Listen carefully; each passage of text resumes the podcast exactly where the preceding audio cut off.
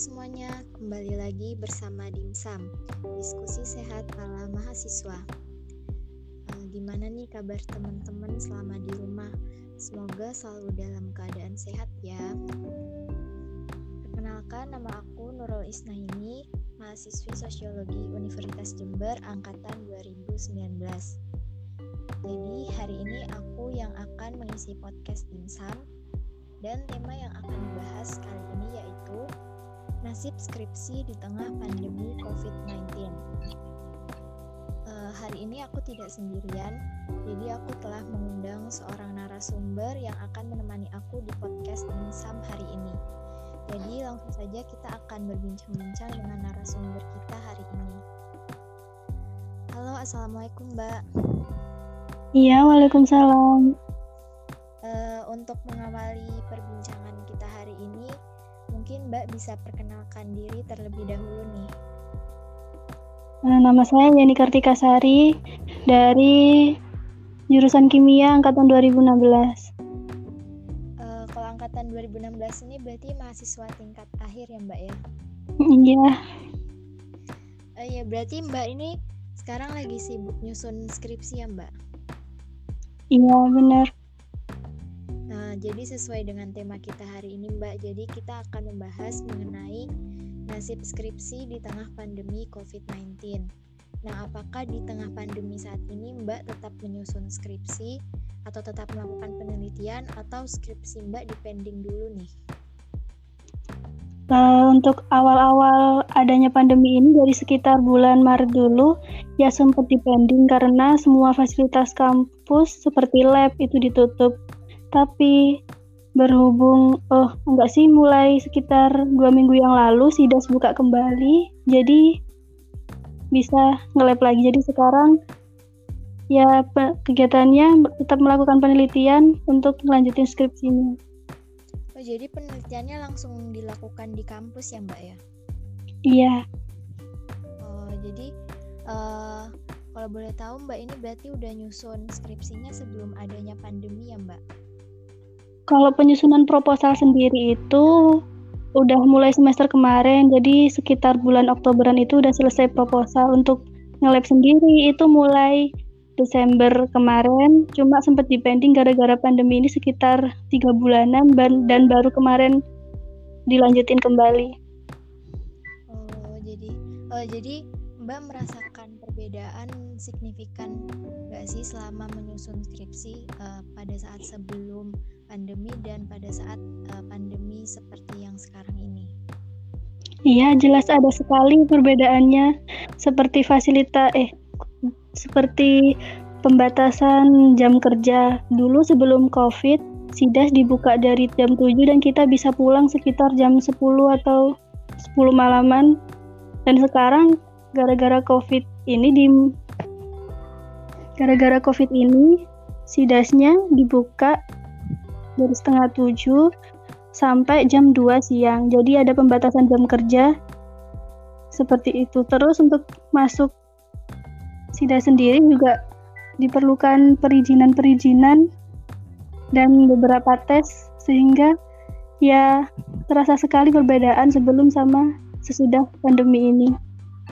Kalau boleh tahu itu tesnya seperti tes suhu tubuh seperti itu ya Mbak? Iya, iya tes suhu tubuh. Terus ada kebijakan kalau misal kita kan kemarin habis lebaran jadi banyak anggota lab yang ke pulang ke rumah masing-masing. Nah, jika ada jika ada apa mahasiswa yang datang dari luar Jember itu diwajibkan karantina dua minggu terlebih dahulu sebelum masuk ke Sidas kembali. Kalau boleh tahu Mbak ini asal mana ya Mbak? Saya dari Lumajang. Oh, berarti uh, pas pandemi kemarin itu Mbak sempat pulang dulu ya Mbak? Iya pulang dulu sekitar di rumah dua bulanan terus balik lagi ke sini. Berarti balik laginya itu buat uh, penelitian ya Mbak ya? Iya. Nah Mbak kendala-kendala yang dihadapi uh, selama menyusun skripsi di tengah pandemi seperti sekarang ini apa nih Mbak? Untuk kendalanya yaitu tadi adanya pembatasan jam kerja. Jadi ada beberapa metode yang tidak bisa dilakukan karena pembatasan jam kerja itu sendiri. Ya mungkin bisa, tapi tidak seefektif ketika tidak ada pembatasan jam kerja seperti sekarang ini. Eh, berbicara tentang metode seperti yang Mbak sampaikan tadi, uh, seperti yang kita tahu skripsi kan pasti punya uh, memerlukan uh, data penelitian-penelitian yang harus um, mengharuskan untuk terjun langsung ke lapangan. Nah, berarti kan tadi Mbak sempat menyampaikan kalau um, Mbak ini tetap melangsungkan penelitian secara langsung ya Mbak. Maksudnya tidak mengalihkan iya. tersebut secara online. Iya, iya. Nah, menurut Mbak iya, so iya. Melakukan itu ada rasa khawatir nggak sih Mbak? Apalagi ini kan masih pandemi nih Mbak. Ya khawatir masih ya khawatir mes, mesti ada apalagi kan kita di kos makan juga beli di luar terus kontak yang meskipun udah dites tapi kan ada beberapa yang masih dari luar kota tapi nggak apa-apa selama menerapkan prosedur kesehatan dijalani saja ya sama demi tugas ya mbak ya iya uh, terus mengenai da, uh, penyusunan skripsi itu kan pasti perlu banyak referensi bacaan nih mbak. Nah apakah uh, perpustakaan Universitas Jember itu masih buka mbak? Kalau untuk bukanya saya kurang tahu. Soalnya saya kan masih penelitian jadi kalau untuk menunjang penelitian selama ini saya masih lihat di jurnal yang bisa diakses melalui internet sih. Oh jadi mbak uh, tidak uh, tidak perlu ke perpustakaan Universitas Jember seperti itu ya Mbak ya? Ya selama ini masih selama penelitian ini masih belum. Mungkin nanti kalau udah mulai ngerjakan pembahasan. Oh ya.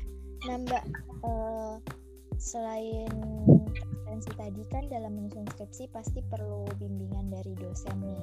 Nah terus uh, di tengah pandemi saat ini kan biasanya nih bimbingan dilakukan secara online. Nah, itu mendapatkan dosen yang mengharuskan uh, bimbingan secara langsung atau secara online, Mbak?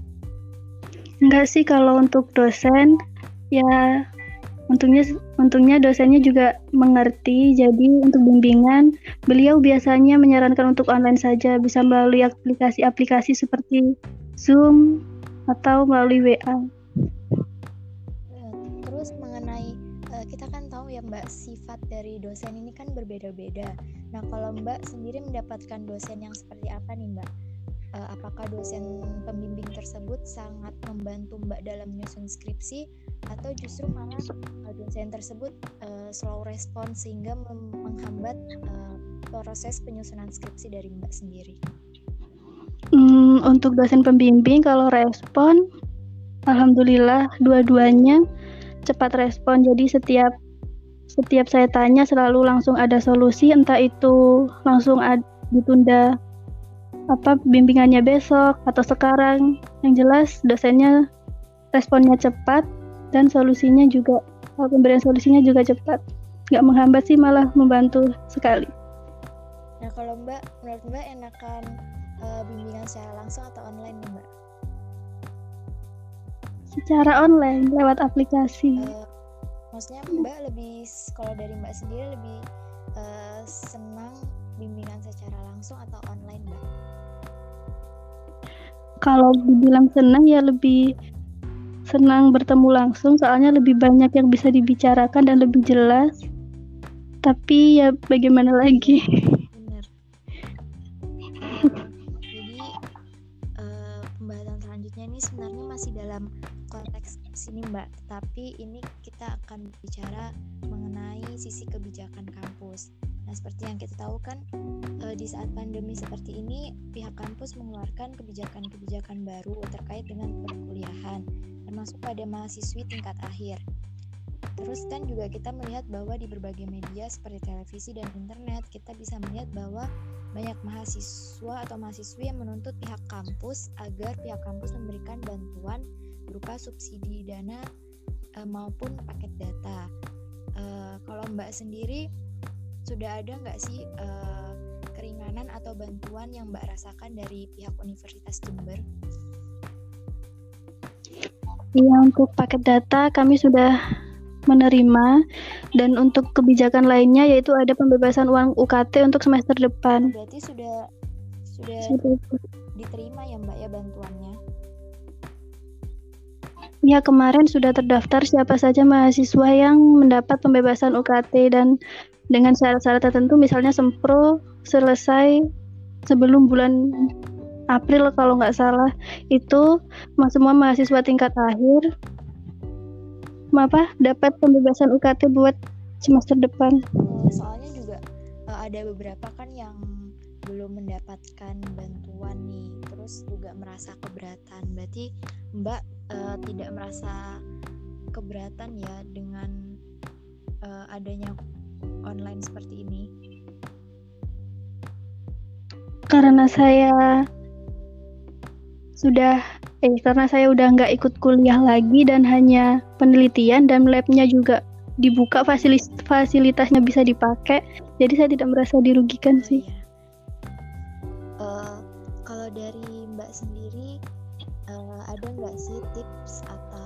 Tips yang bisa diberikan kepada pendengar dimsum di rumah agar di masa pandemi seperti saat ini tetap uh, memiliki progres?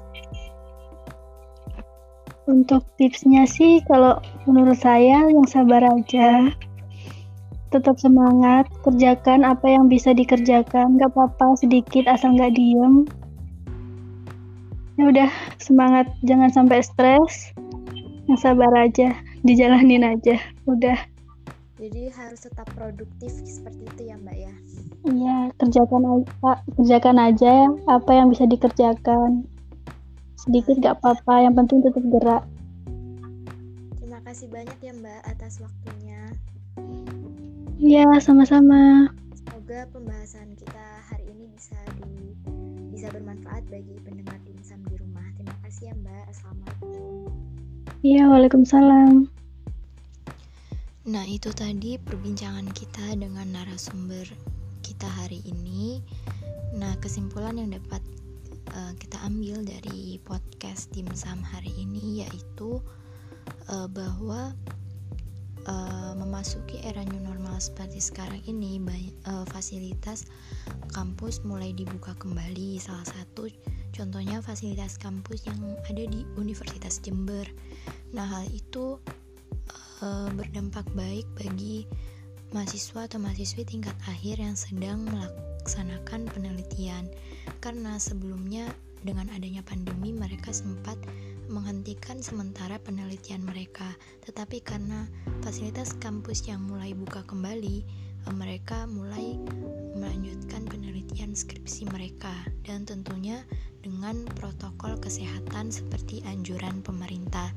Dan um, menurut narasumber yang menjadi menurut narasumber kita hari ini bahwa ia telah menerima bantuan dari Universitas Jember berupa bantuan paket data dan juga terdaftar uh, sebagai mahasiswi yang menerima pembebasan biaya UKT dan hal itu tentunya uh, sangat berdampak baik terhadap uh, narasumber kita hari ini dan semoga ke depannya buat Universitas Jember mengingat uh, ada beberapa uh, mahasiswa yang belum menerima bantuan semoga bantuan tersebut bisa merata diterima oleh seluruh mahasiswa atau mahasiswi Universitas Jember. Nah, sekian dulu podcast Dimsum hari ini. Uh, semoga kalian di rumah tetap sehat dan jangan lupa jaga kesehatan. Uh, sampai jumpa lagi di podcast dimsum selanjutnya. Assalamualaikum warahmatullahi wabarakatuh.